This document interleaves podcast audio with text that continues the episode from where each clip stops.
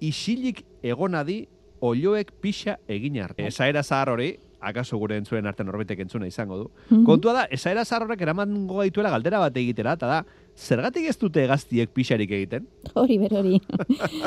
Baldin eta eh, ez, ez dute e, pisaro txisik e, Egiten, egiten. ez? Eta gogoratzen baduzue, ba, dira aste batzuk, e, ba, e, ba, hemen hitz egin genuela, ero jorratu genuena, ia animali batzuek, ba, puskerri botatzen dute Ah, bai, duten, ez? egia da, bai. E, egaztiak ziren, puskerrik botatzen ez duten oietako Mhm, batzuk. E, mhm. ba, bueno, ba, txisik ere ez dute egiten, bai bereziak direla, ez? Bai. Bueno, kontua da, e, egaztiak bereziak direla barruko ondarrak irasteko orduan. Eta, bueno, ez dute txisik egiten, ero peintzat ez dute egiten guk bezala, ero ugastunek egiten dugun moduan. Txisa egitea zer da? Bueno, ba, txisa egitea da gernua kanporatzen den prozesua da, ez?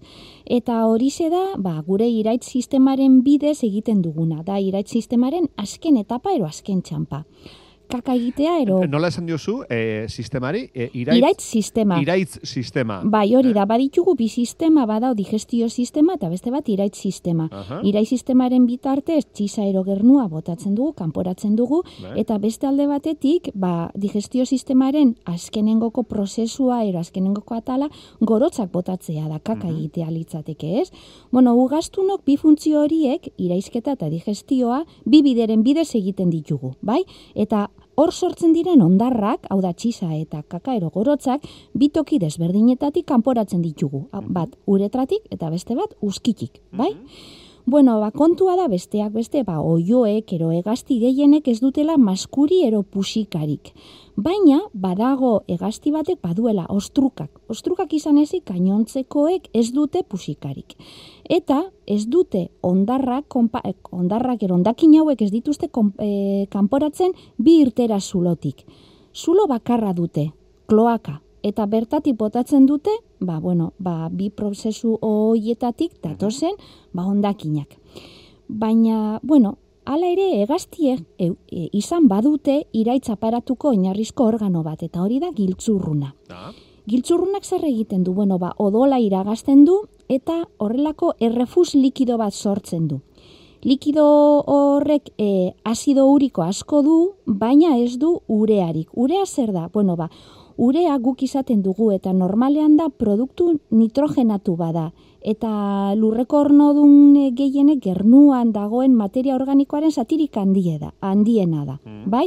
Baina hegaztiek adibidez, bueno, ba, ez dute e, errefus likido horretan ero urea sortzen ero bota izaten, baizik eta azido urikoa.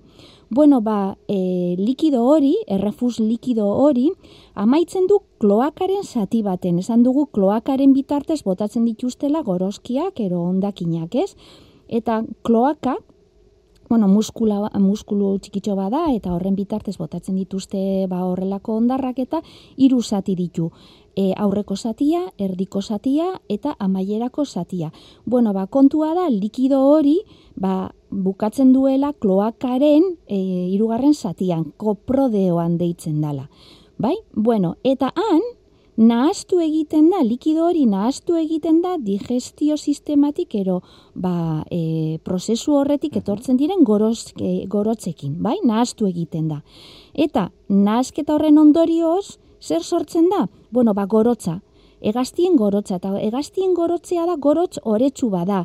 E, ugaztunena baino likidoagoa bai, da. hori da, ez? E, hori, likido Bai, da. ez? eta Bai. e, honek itxura zurizka du, Bai. bai. Eta, bueno, kanpora botatzen da kloakatik. Beraz, adibidez, usoen gorotza ikusten badugu, ba, ikusiko dugu, bueno, ba, zurizkantzerakoa dela, ez? Eta zikatzen denean ondarra ere zurizka ero, ba, horrelako grisantzerakoa izaten da. Hori somatzen dugu alkandorara edo jartzera erortzen Bai, bali mazaigu, bai, ezta?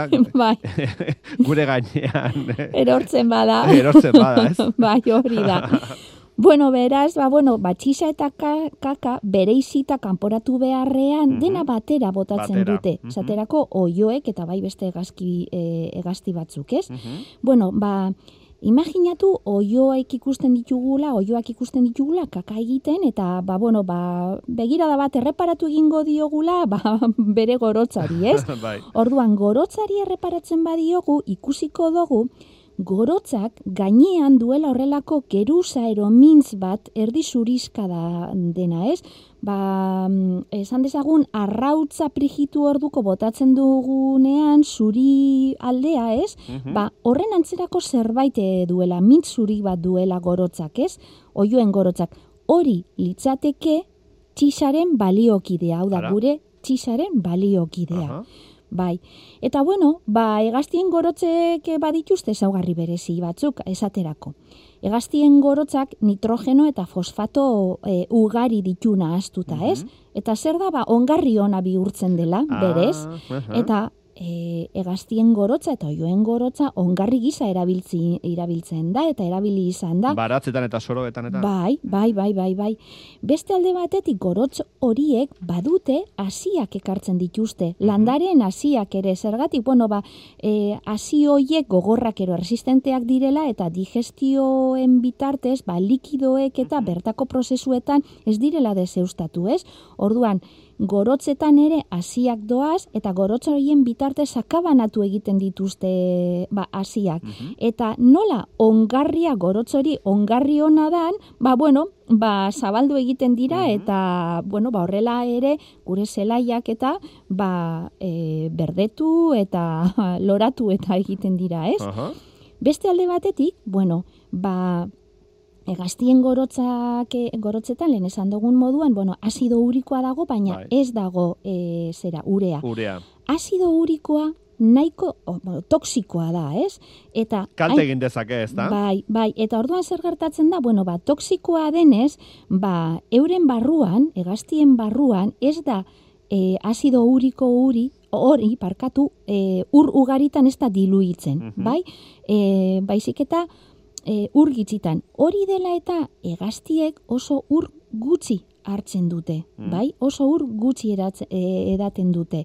Eta horrek abantail evolutibo bat ematen diote. Zergatik? Bueno, alde batetik, egaztiak harinagoak ur gutxiago eraterakoan, harinagoak bihurtzen direla egan egiteko. Hau, Ah. egan egiteko orduan, ba hori lagundu egiten die Ur gutxi edateak. Bai, Mhm. eta beste alde batetik badaude egazti batzuk non basamortuan bizi diren, ero estepetan, ero Ah. oso zonalde ba, beroetan, ez?